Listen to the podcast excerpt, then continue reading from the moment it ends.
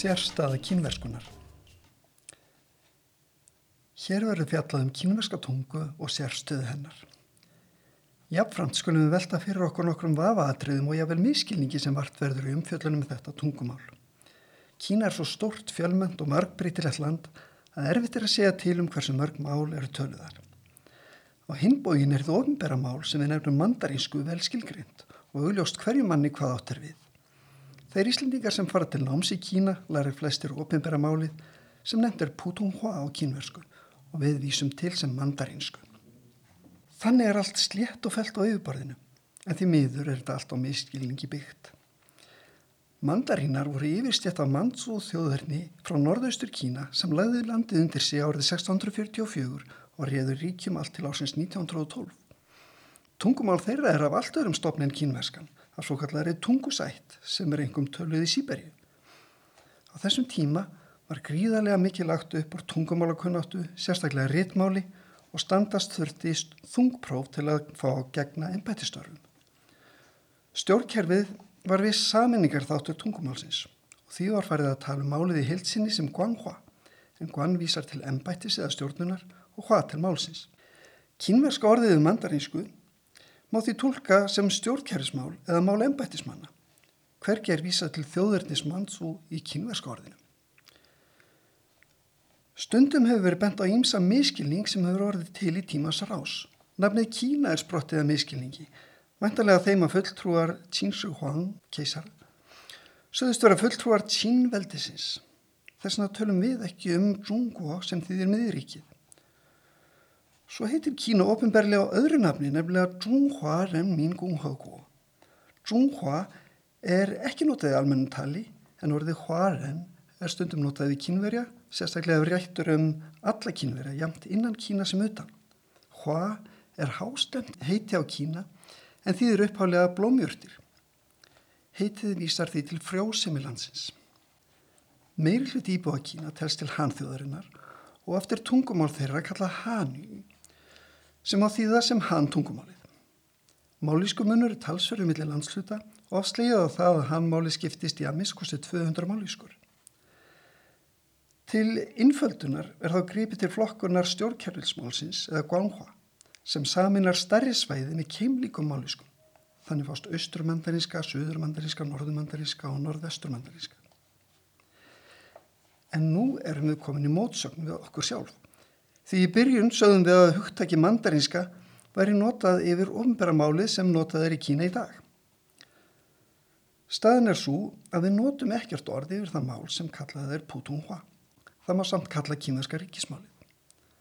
Við notum gamlu þýðingun á Guanghua eða embættismál yfir því nýja Putunghua sem mætti þýða beint sem almennt mál. Því er hann er ógerningur fyrir vesturlandabúa að ræðum kínversku án þess að lenda í þessar rauklísu. Við þurfum þess vegna að læra inn á þeirra orðfæri og nota hugtækið ríkismál eða eitthvað annað orð yfir staðlaða ofinbæra málið sem nú er að nota. Ríkismálið hljómar í flestum skólum, útvarpi og sjónvarpi og sífælt fleiri talaða heima hjá sér. Ríkismálið eða almennamálið sem við lærum sem hinn á ofinbæru kínversku er raun tilbúningur. Byggður á ýmsum kínverskum máliskum, engum pekingmáliskunni. Með tilkomu þess og hljóðritunarkerfi með latnesku letri sem nefnd er Pinyin var nafn höfuborgarinn að skrifað Beijing í stað Peking og mælast kínar stjórnveld til þess að sútgáfa sem notuði ræð og ríti um allan heim. Margið þróskast og við að nota gamlu útgáfana ennum sinn. Með almennamálunu verður Nanking að Nanjing, Hong Kong að Xiangang, Macau að Aumen, Kanton eh, að Guangzhou Samt er skamstöðunni fyrir alþjóðaflugvöldin við Beijing PEK sem vísar til gamla heitisins. Sem betur ferir orðið auðvelt að fletta svona hlutum upp með tölvuteknin í dag. Svo staðrind að atkvæður tiltúlega fá og framburður velskilgrindur verður til þess að útlendingar sem læra kýmversku geta sem við tala ríkismálið fullkomlega rétt með yngum hreim. Kínverjar líða hins vegar fyrir það að hafa alist uppið annan framburð og orðaval og í mörgum mállískum eru setningar byggðar öðru vísu upp. Hið sameinlega rítmál kýmverja byggir ekki aðeins á því að allir læri sömu táknin heldur einnig sama orðaval og setningafræði. Það er því auðvelt að álíta sem svo að einungi séum framburða mun að ræða en svo er ekki. Rítmálið held sameigilegt vegna þess að allir þurfa að hafa fyrir því að læra á hlýstaðan hátt og við lærum annað tungumál. Eitthvað er gert af því að rita kantónsku aðra máliskur fórsendum en það verist ekki ánað miklum vísendum. Eian Tævan var lengi þekkt undir portugalska feitinu Formosa en tímatnir breytast og notkun okkur að staðarnöfnum með. Tævan hefur talsverða sérstöðu innan hins kýmverska menningarheims. Það er enn skrifað með svo kvöldum hefbundum ríttáknum en á meilandinu er notast við innföldu tákn. Ofinbæra tungumálið er kallað gói eða landsmál og er byggt á svipuðum grunni og almennamálið sem talað er á meilandinu. Munurinn á landsmáli Tævan og ríkismáli meilands Kína er svo lítill að það veldur hann er yngum vand hvaðin við tjáskipti. En innföldun táknana var skiljanlega skref sem tekið varum miðja 20. stöld til að auðvelda nám við lestur og skrift. Með sterkara skólakerfi og innliðingu tækninar má þó segja að nú sé þessi innföldun óþarf. Margir benda á að best væri að láta þessa breytingu ganga tilbaka og hvetja alla til þess að læra báðar útgáfur. Oft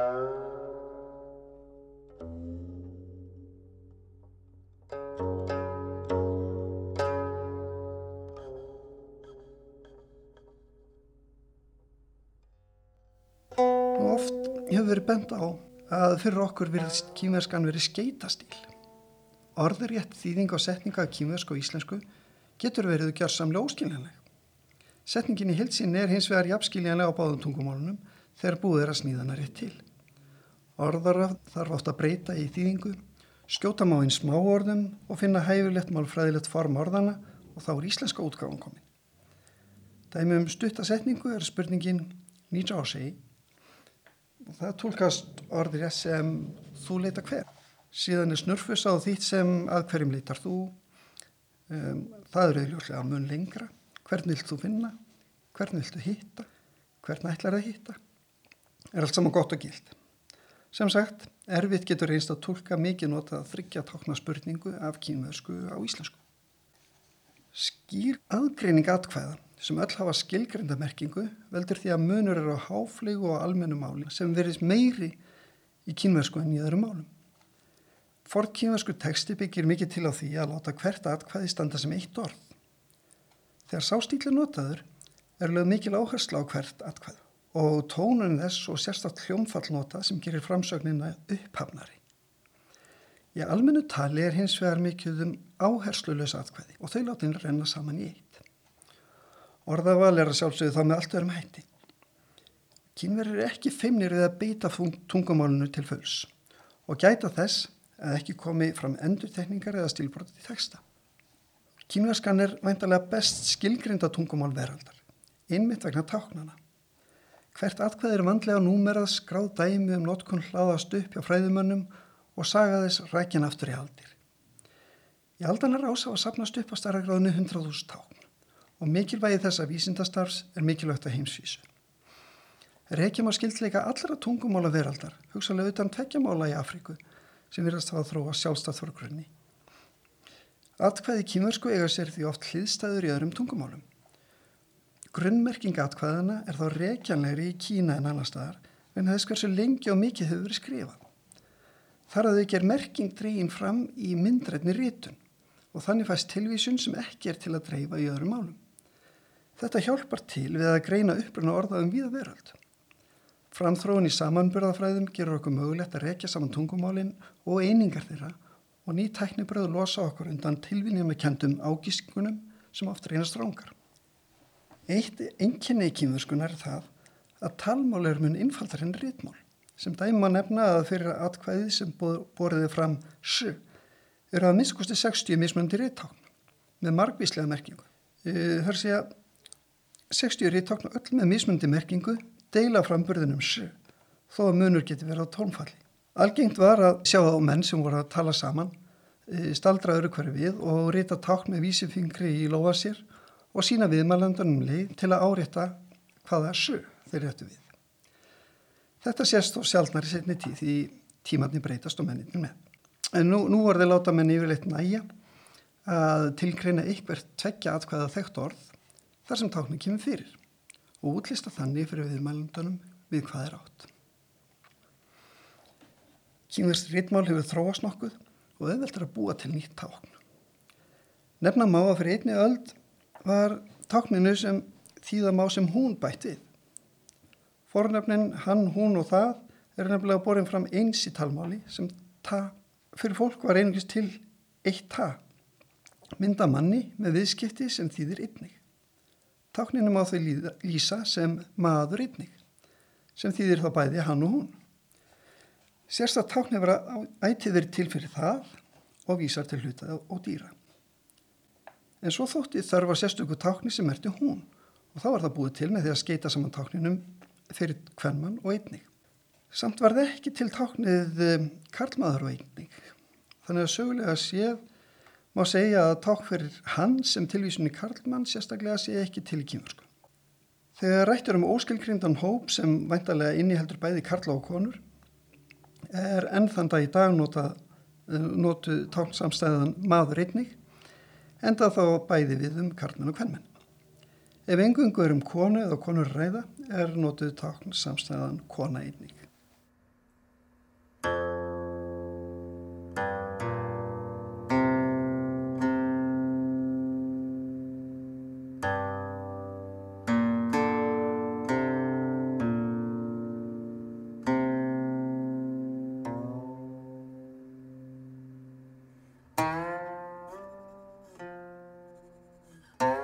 Eins og öll önnur tungumál er kynverskan þannig stöðu til mótun en byggjar á aldagamnum grunni. Rítmálið hefur stift málið í eitt mót sem er gríðarlega stert. Eitt atkvæði tungumálunu samsvarar einu rítuðu tákni og tákni fela í sér einhverja myndra en að merkingu. Atkvæðin eru flest eitt samhljóð og eitt sérhljóð, eh, svo kalluð opin atkvæði. Og ef við fara á með þau öll er byrjað á bópómófó sem er einn fjögur fylstu í 413 atkvæða raun. Undantekningar eru þau atkvæði sem aðeins eru eitt sérhljóði og svo þau sem enda á nefhljóði N eða NG en segja má að þær endingar séu nægilega nærri því að renna saman í sérhljóðanu undan að ekki verið til stílbrott með að við grunnregluna. Í vestrænum málum eins og íslensku er grunnstefið samhljóði sérhljóði samhljóði eða þess sem tveir eða fleiri samhljóðar fara oft saman í einu atkvæði. Þetta veldur því að hljómar máluna verður talsvert ólíkur. Ástæður þess að samljóðar hurfu úr endingum kýmversku atkvæðana eru eflust margar. Rittáknin hæfa þessu hljóðkerfi vel, auk þess sem þau tungumál sem fyrir voru á fljótasveðanum hafa átt áhrif á framburðin. Kínverskan ás er þó forsjóðu sem er nokkuð rekjanlega í málvísindum. Forveru hennar var keimlíkari vestrænum málum á því leiti að áður var samljóði í lok margra atkvæða. Í stað þessara loka samljóða var atkvæði tónað á sérstakann hátt. Þetta kerfi varða algilt þannig að eh, ákveðin tótn er hún innifælin í hverju einasta atkvæði kýmverska tungu. Það merkir að hljómfallið er merkingabær hluti orða. Þetta veldur okkur sem lærum eh, kýmversku sem erlend tungumál nokkrum vandræði. Því ekki er um sambærlega tónunaræða í vestrunum málum. Í mandarinsku er tónarnir fjórir, fyrsti stöðugur hannar hækkandi, þriði lækkandi hækkandi og fjörði fallandi. Stundum er tónum sleft og atkvæði borið fram á stuttan áherslu í sann hátt. Til að flækja þetta enn meira má ekki notast við þriðatón tvísar röð. Heldur þarf þá að breyta fyrir atkvæðinni annan tón og halda síðar atkvæði með þriðatón. Atvið þó að munur er á tóni tónlist og tónun atkvæði kínversku. Hér er þetta átt við hljómfallega stíganda málsins en ekki tiltekna nótur sem skuli hitta á. Og ef við rita á ljóð samkvæmt réttum bragarháttum á kínversku þarf að láta tónana mynda réttar hrinjandi. Þá er fyrsti tótnin þar sem tónhæðin er haldið jafnri, kallaður pingsang, en hinn er tónarnir þrýr kallaður dzösang. Jöfnum og ójöfnum tónum þarf þá að eh, rafa eftir vissum reglum. Í ferskellum kemur það meðal annars fram að fyrsta önnur og þriðja lína endar á öðrum tónarflokknum en svo þriðja þarf að enda á atkvæður hínum flokknum til að fá fram tilsverandi uppbróti í vísuna. Tvíhyggjan, ín og ján, er inngróin í kynverskuna og kemur oft út sem leikur andstæðin. Orðið við stærðir til dæmis dasjá sem þýðir stórtlítið. Fyrir kynverja sem er alveg upp við þessa tvíhyggju er sjálfsagt mála stórtlítið þýðir stærð. Atkvæður og ombreytalegi kynversku og því er ekki orð sambærilegt við stærð dreyð á stór heldur er lesið í samhengi andstæðina á þennan hátt. Á sama hátt er langt stutt hugtakiðir lengt. Það er mótsagnakent að tala um sérstöðu þess mál sem er langmest talað á jörðinni. Femtungur jarðabúa talar kýmversku sín á milli daglega. Það sem okkur verist flókið og jáfnvel einkennlegt er því einfalt fyrir þeim sem talar málið. Öllum má vera ljóst að erfitt er að læra annað tungumál til hlítar, sérstaklega þegar svo margt skilur að. Okkur yfir sjást tungubrjótarnir sem felast í vestrænum málum og gera þeim sem hafa kínverska móðurmáli erfitt um vika læraðu til fullnustu. Á sama hátt er einn erfiðast í hjallin fyrir vestrannin nefnendur að ná kýmverskunum sitt vald, sá að fjöldi ríttáknana er mikill og erfitt getur reynst að meðtaka jafn mörgður og ætlastir til. Þessir eiginleikar málsins stutt atkvæði með merkingabært ríttákna baki sér gefur möguleik á tjáningu með orðartiltækjum og málsáttum annan hátt en við um að venjast. Hvað mest ábarandi eru fjögur atkvæða orðtök sem gott er að grýpa til ef skýra á málsitt. Gott aðeins er þann renn sangú þrýr menn mynda tígur. Að baki slíkum orðtökum er jafnan til saga sem lýsir bakgrunninu og helst þarf að hafa kynnt sér til að skilja orðtæki til fulls. Í þessu tilfelli er merkingi sveipu því sem líst er í að einn fjöður verður að sjö hænum, en þó ekki. Forsagan er svo að keisarinn var spurðu hvort hann triði manni sem segðist hafa séð tígur á markanum. Hann hvað svo ekki vera. En ef tveir menn segðist hafa séðar tígur, hann hvað stáð myndu hvaða málið. En ef þrýr menn veru einu málum að þar hefði verið tígur, þá sagðist keisarinn líklega að trúa því. Þá voru hann bent á að ómögulegt væri fyrir tígur á vafurum í mannfjöldanum á markanum, en ef nægilega margir heldu því fram, verði því stramt trúað. Því fyrstu sín verið stórtækið þó að vera annarar merkingar. Því flestir myndu giska á það að þrýr menn saman verði jafn sterkir og tígur. Mikið er lagt upp úr því Kína allir læri þessar sögur og geti þar að leiðandi beitt orðtökunum og skiluðu rétt. Nótkun þeirra hefur haldið stöðu fram á þennan dag samkvæmt aðtögunum, ólíkt því sem gerist á Östurlöndum. Hér fer stöðut minna fyrir orðtökum og málsóttum í tali fólks. Mafalust eru margar ástæði fyrir því. Finnst mörgum til dæmis við hæfið í nýti hér aftan við betur máðu duga skal. Þýðingar á kýmverskam orðtökum sína mismunandi hugsunarátt. Við segjum að hinn lengsta ferð byrja á einu skrefi og þykjumst kunna að vitna í kýmverska speki. Þið sanna er að upphafstaður hinnar lengstu ferðar er undir fótunum. Þið segjum líka að kýmverska orðið yfir kreppu því þið einni tækifæri. Þegar betur er að gáð kemur í ljós að orðið tækifæri á kýmversku er hugsað eins og íslenska orðið. Eða öllu heldur samsettur orðum sem merkja tæki og mæting fram borðið tíhui. Orðið yfir kreppu hefur einni orðlutan tæki en sem signa atkvæði. Framborðið veiti útlistast sem hættutæki samanber upp átæki eða fyrirtæki ef við viljum reyna að nota íslenskuna til að skilja þetta betur. Tungumál er svo marg slungin að erfitt er fyrir okkur að skilja af hverju tækifæri er samsettur þessum þeimur orðum og á sama hátt myndi flestum kýmurum reynast örðut og útskýra samsetninguna tí og hui og af hverju hún aðlast þessa merkingu, tækifæri. En erfiðar er að fá nokkurt mann til að viðurkenna að kýmurska orðið og það íslenska séu rauninu hugsuð eins. Samt er þessu varpað hér fram til umhugsunar. Samanbörður millir tungumála á heiti landa getur líka tekið á. Við að læra kýmversku líkur við að maður þurfa að læra landafræðin alveg upp á nýtt. Bandaríkin eru til dæmis fagraland á kýmversku. Ítalija er hugmyndaland. Þískaland er heimsbyggiland. Frakland er löguland. Holland er blómaland. Aðeins merking Íslands er þýtt á kýmursku og nafnið hljómar óþekkjanlega að þessum bínd á. Beint þýðing á því er þó Ísei. Ef líkt væri eftir ennskum framburði í Æsland myndi Ísland verða ástarland á kýmursku. Ef líkt væri eftir íslenska framburðinu myndi landið heita áhugaland. Þá er betra að búa til nafnið Ísei. Og í Austurasju gætir áhrif að kýmurskunar út fyrir landstinnuna.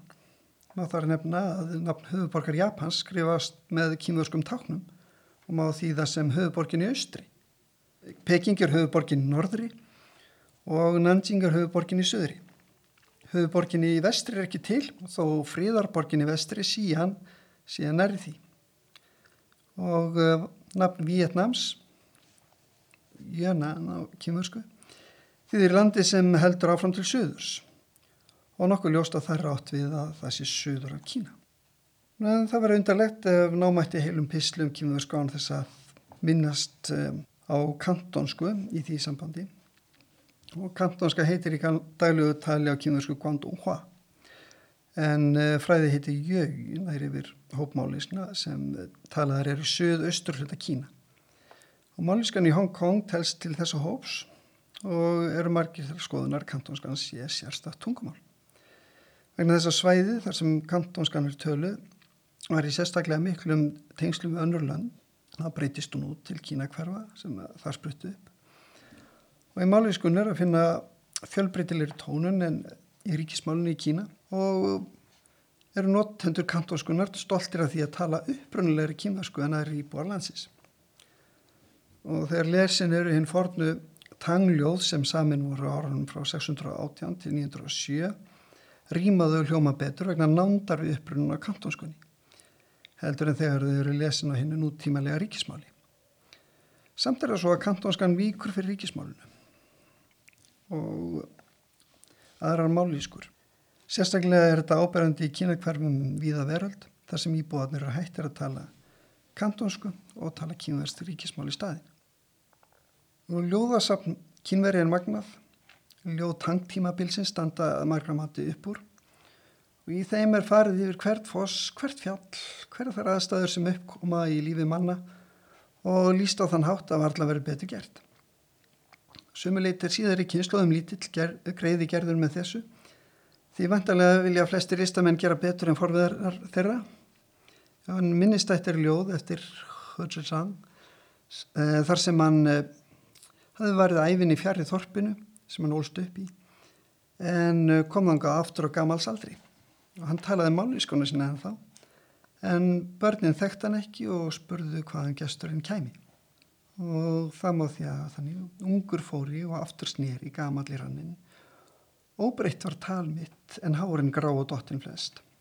Börn hópuðu stað þekktaði heldur mannin hló á spurðu hvaðan að bæri þennan gest svona hugsuður á tangtímanum eh, og þessi vísa sínir vel hversu kynverður meðvitaður um máliskumun og hversu ríkur þáttur það er í lífið þeirra að alastu upp í staðbundna málisku en læra síðan ráðandi ríkismál. Ljóð ríkur þáttur í málum hverju kynveri og þá ekki síst vegna tengsla málaralistar og ljóðlistar. Ríttáknin eru mjög myndræn og uppháðlega eru þau einfallega innfaldaðar myndir og falla þess að vel inn tekníkar og málverk. Ljóður er síðan látið lýsa andanum í málverkinu. Það er með ólíkjendum að nokkur menningarsamfélag hafi áorkað því að skapa hildstætt myndrænt rítmál. En kýverum hefur óneitilega tekist það. Táknin skipta þúsundum og misjamt er hversu mörg þeirra menn þekkja. Sagt er að velmentaður kýmveri þekkjum 5.000 tákn og í meðalstóri orðabók má finna um 10.000 vismöndi tákn. Mörg orð eru þó samsett rétt eins og og algengast á tvö tákstandi saman fyrir eitt orð. Í forkífurskum tekstum er áberandi eitt tákstendur jáfnframt sem eitt orð en með útbreytari lestrakunnáttu hefur ritaða málið á orði líkara talmáli þar sem ekki er hyrt um það þó tvöða þrjú atkvæða þar með tvöða þrjú tákn séu notið í einu orði. Samt er enn svo að kýmverskan er ritið þannig að ávalt er sama bíl á milli tákna. Hvort sem skil milli orða er ræðið ekki. Það myndi að sjálfsög ekki ganga jafnvel með vestrannuleti letri en þar sem hvert tákn hefur mikið sjálfstæði í kynversku kemur þetta ekki að sög við lestur.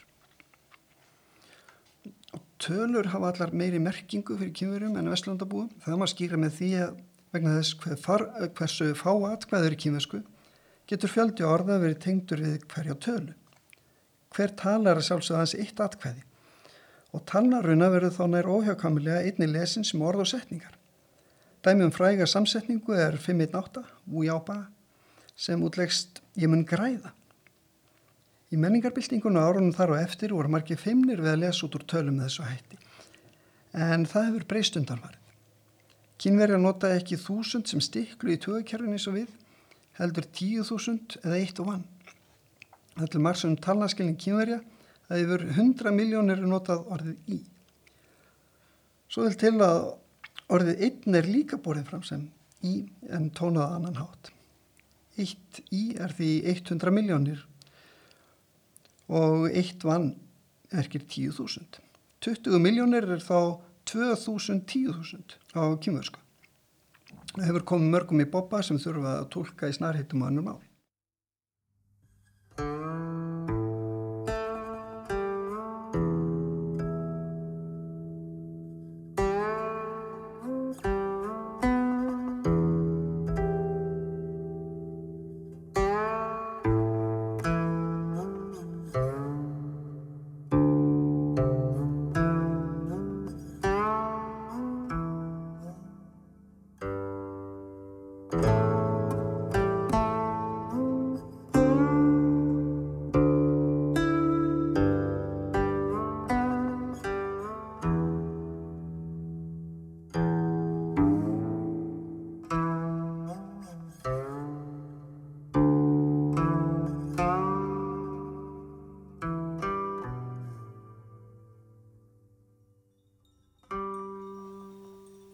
Hvernig má það vera að hægt sé að ná utanum merkingu alls þess sem sagt er með myndtáknum? Galdurinn fælst í tvískiptingu táknana.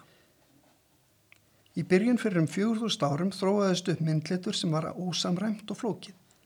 Árið 221 fyrir Krist komst Qin Shi Huang til valda sem jafnarinn er nefndur fyrsti keisar í Kína.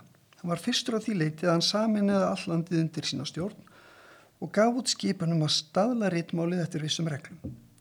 Ákveðnir táklutar voru valdir og öll rítták skildu samsettur þeim. Það var komin svo regla fram í táknunum að annar hlutin oft vinstri helmingur þeirra vísaði til merkingar. Þessir merkingar bæri hlutar eru 214 talsins og mynda flokkunar kerfi fyrir bókstaflega allt millir hímis og jarðar. Þó þeir sé ekki fleiri en þetta.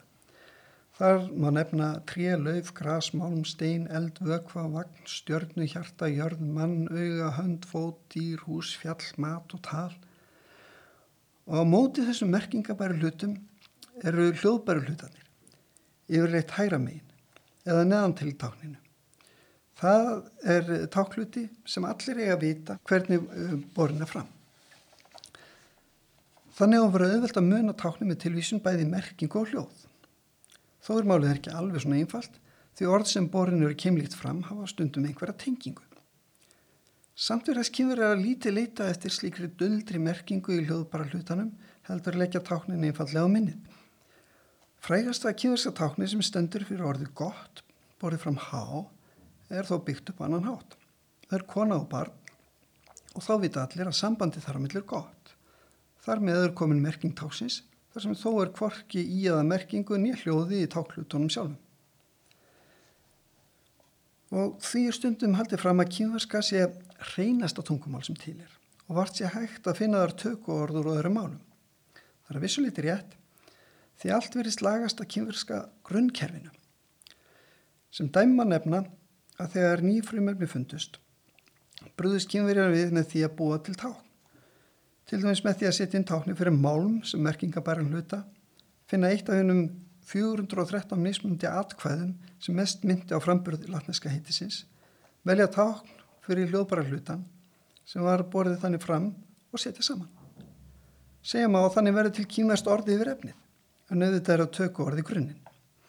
Örfa orð eins og safa fyrir sofa og mótó fyrir móturhjól verðast hafa fest í sessi sem hrein tökja orð. Einn sérstæðasta listgrinn kynverja er skrautritun. Áður var minnst á tengst málara og rittlistar en skrautritun er öflug greinuta fyrir sig. Táknið fyrir óindanleika er minnsalt í læfinga og margir þjálfa sig að skrifa táknið dregi með einni útugsaðri pensilstróku. Penslinum er haldið lúðréttum og honum er haldið mislant upp eftir því hver breyðstrykkin er að verða. Stóra skrautritunarsýningar eru haldnar og almenningur hengir gjarnan upp spakmæli húsum sínum. Á stórháttíðum eru borðar með áleitrunum hengdir fyrir utan dýrnar. Allar árnaðaróskir verða fjálglegar og oft horskildar því þá beita kynverar allskins orskviðum og spart.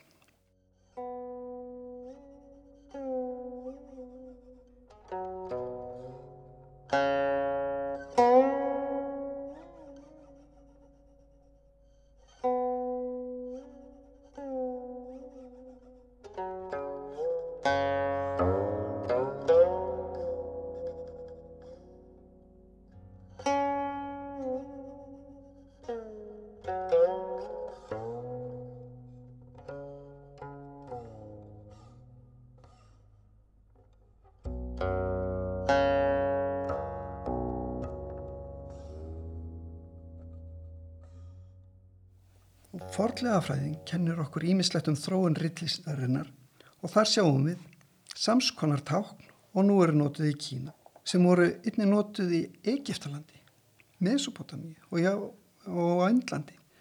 Jável gríkir og eiginni krít nótuðu á tímabili ímis merkingabær tákn sem svipar áberandi mikið til egifskra og kýmverskra tákna. Nú eru upplýsingar aðgengilegar og samanbörður auðveldur með allskilt tæknibröðum. Ljóst er að táknin voru í notkuna í ýmsum stöðum fyrir þúsundum ára. Þau þróðu síðan í mismumdi áttir og öll viku á lokum fyrir notkun Stavros nema í Kína. Kínverskir málvísindamenn virðast vera ófeimlistir við að skoða menningarþróununa þannig heilstaða hátt. Sjáum að til dæmis á sögunum um Aladín hversu samtvinnaður menningarheimur var í rauninni til allt frá miðjarhafi til Kirrahafs. Aladín bjóði borg undir yfiráðum Kínakeisara vantilega í það næri Sindján hér að því.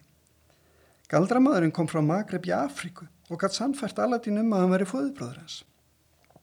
Frægasta ljóðskaldið Líbæ fættist á þessum sömu slóðum og vitað er að hann kunni persnesku og áhrif þess að veri rækin í ljóðum hans. Silkilegin forna láðum þetta sveiði og var á þessum tíma mun greiðfærir en nú.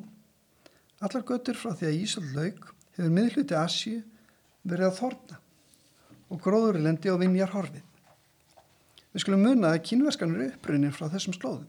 Það er þar sem nú er norðvestur Kína. Höfuborgin var lengst af í síjan, innmitt þar sem silkiliðin endar með fjallendi og eðimerkur að baki og við taka lálendisvíðáttur og flókin vatnarsvið á viðkerfi. Áinn sem síjan stendur við heitir Veihuða og kynverðar rekja upp af reillistar sinnar þangað. Veihuða er stutt á sem saminast uh, Guðlafljóti sem var einn helsta samgönguæð Norður Kína. Frá sveiðinu liggur einni Hanjiang eða Hanfljót sem samina Norður og Suður Kína. Því það rennur suður til Jansefljóts sem er megin á Suður Kína. Nafn Hanþjóðarinnar mun vera dreyið af því fljóti. Til að móta og viðhalda floknum ávitukjærfum þurfti stert og viðtætt stjórnkerfi og það stuttist ekki síst við rítmál til að geta sint skráningum og gefið út tilskipanir. Þessi menning breytist út um það Kína sem við þekkjum í dag. Máliskutnar í söðustur Kína, til dæmis kantónska kringum Hong Kong og mínmálið í Fujian, anspannis Tævanegi, verður til á afmörkuðum vatnasveið. Margir eru þeirra skoðunar að þar séum sérstu tungumál að ræða en óþart er að velta sér upp úr muninum á máliðsku og tungumáli í því sambandi. Kínverjar hafa ágættan orðafara til að lýsa eigin tungumálaheimi og gera skýran greinamun á heldstæðinni kínverskar tungu, rítmáli og staðbundum máliskum. Yuyan er yfirhugtak sem tengist Han-yu, Han-tungumálið sem allt fellur endi. Síðan koma Beijing-hua, Guangdong-hua sem geta verið svo mismunandi að notendur annars málsins skil ekki hérna. Fang-yen er svo að kínverska hugtakið yfir málisku staðbundi tal. Þessi þrískipting hæfir kínverska mála umhverjunu betur heldur nokkar hugmyndum tungumál og máliskur. Nú hefur tækniöld tekið við þar sem allir orðnir að við þengi við símasinn, ekki síst í Kína. Markaður fyrir símatengta tækni er þar svo stærsti í heimi og þróunin hröð. Snjallforitt snara með undramerði nákvæmni töluðu máli yfir að ríttákn, þannig að fólk tekur sjálfnar upp blíjant og penna hvað á pensil. Ungd fólk er styrðar að ég að skrifa, en lærir vel að tekja táknin. Hér áður fyrir var gerðan mynd á það staðirind að rítað mál er allstaðir eins í Kína meðan máliskur eru margar. Þá var sagt að menn tækja upp skrifblokk og blíjant og skrifuðu hvort fyrir annan og geti þannig rætt saman. Þetta er náttúrulega sögunni því kunnátt að í ríksmálunni er svo almenn að fátítt er að rekast á fólk sem ekki er hægt að ræða við. Vissulega eru margir sem þannig er ástætt um en það fólk er veintilega ekki að ferðina sem er slóðum útlendingar eða er í ferðalangar. En nú ferðast kýmverjar um með tólkunarapp í símanu sínum, reyðubúnir að stilla á hvaða tungumál sem er og ræða beint við náungan. En hér verður látið staður nefið og vonandi hefur þetta yfirlild orðið til þess að skýra betur sérstöðu kýmverskunar. En um leið vonasti til þess að þessi umfjöllun síni að kýmverskan, rétti eins og önnur tungumál, eru hluti af stórkostleiri heild sem tungumál veraldarinn að mynda. Kýmverskan á sér þar sérstakann sess þar sem rítmenningin byggir á myndrænum táknum. Í þeim felast ómetanlega menningarverðnæti sem verðt er að við kynum betur.